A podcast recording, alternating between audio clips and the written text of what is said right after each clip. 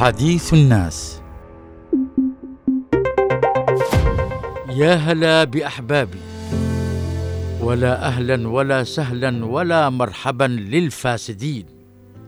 يا إخواني كفانا فساد الفاسدين.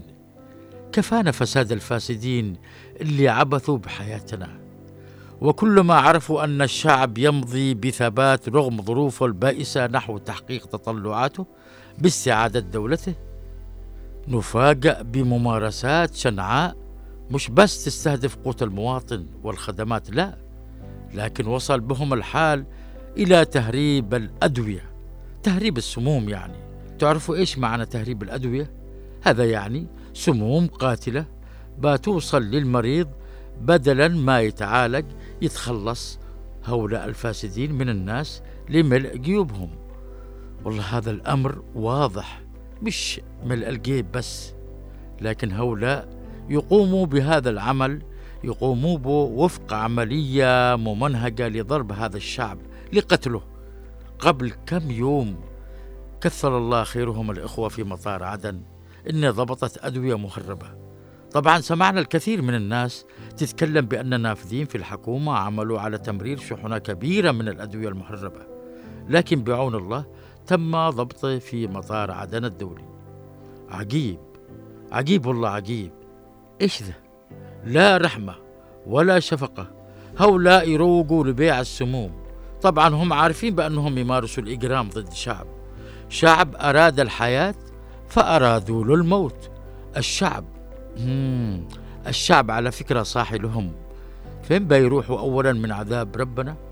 والشعب على فكرة لن يرحمهم أبدا لأنهم أدوات أعداء هذا الشعب. شعب الجنوب حر يا أخواني.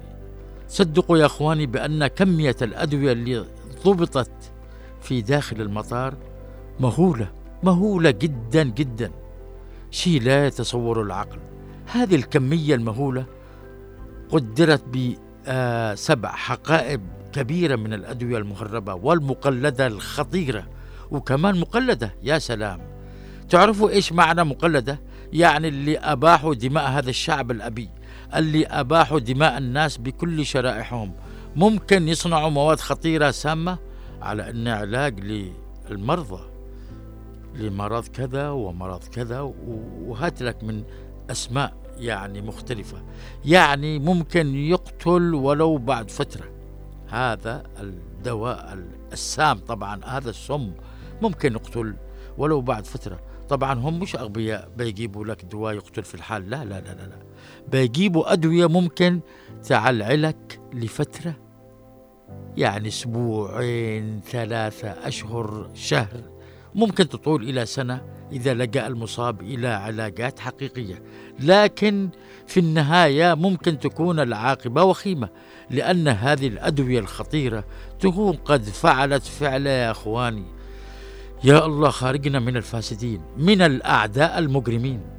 طبعا اللي كشفت الأمر جهات اختصاص هي على دراية بتركيبات هذه الأدوية. طبعا لو مررت بتكون الكارثة كبيرة كبيرة جدا. ولا يستبعد إن من قبل قد مررت مثل هذه الأدوية والناس اللي أصيبوا من قبل بأمراض مختلفة وبعضهم قد يكون توفاهم الله. يعني ربما قد تكون من قبل راحت ضحايا وربنا كشف هؤلاء الفاسدين المجرمين المهربين كشفهم اليوم. الله يعني كانوا يشتوها توصل للسوق المحلية.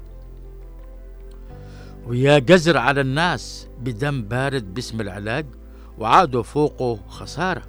يعني يروح الواحد مسكين يشتري الموت بدون ما يدري. قبحهم الله ولا سامحهم. عادهم كمان سمعنا إنه في بعض الجهات كانت تحاول إخراج هذه الأدوية ومنع عملية إتلافه. لكن مسؤولي هيئة الأدوية أصروا على إتلافه لخطورته طبعا. وبعض الجهات النافذة تصر على إخراجها وتهدد مسؤولية الهيئة بالضرر في حال إتلاف هذه الأدوية. طبعا هذه مش المرة الأولى. أعتقد قبل عدة أشهر ضبطت كمية من الأدوية تحتوي على أصناف مختلفة واكتشفت في الأخير طبعا بأنها مزورة يعني مكتوب عليها أسماء أدوية لأمراض بينما الحقيقة عكس ذلك. اليوم الناس يطالبوا بضرورة اتخاذ أقصى العقوبة ضد المهربين والمروجين للأدوية المهربة. وكمان لابد من تفتيش دوري ولو بشكل حتى يومي على كل الصيدليات خاصة الصيدليات غير المرخصة لحماية المواطن ولا بد ما تتخذ الجهات المعنية القرارات المناسبة الرادعة وأن يصدر قرار واضح لحماية الناس من هذه المخاطر اللي قد تودي بحياتهم مش كذا ولا لا؟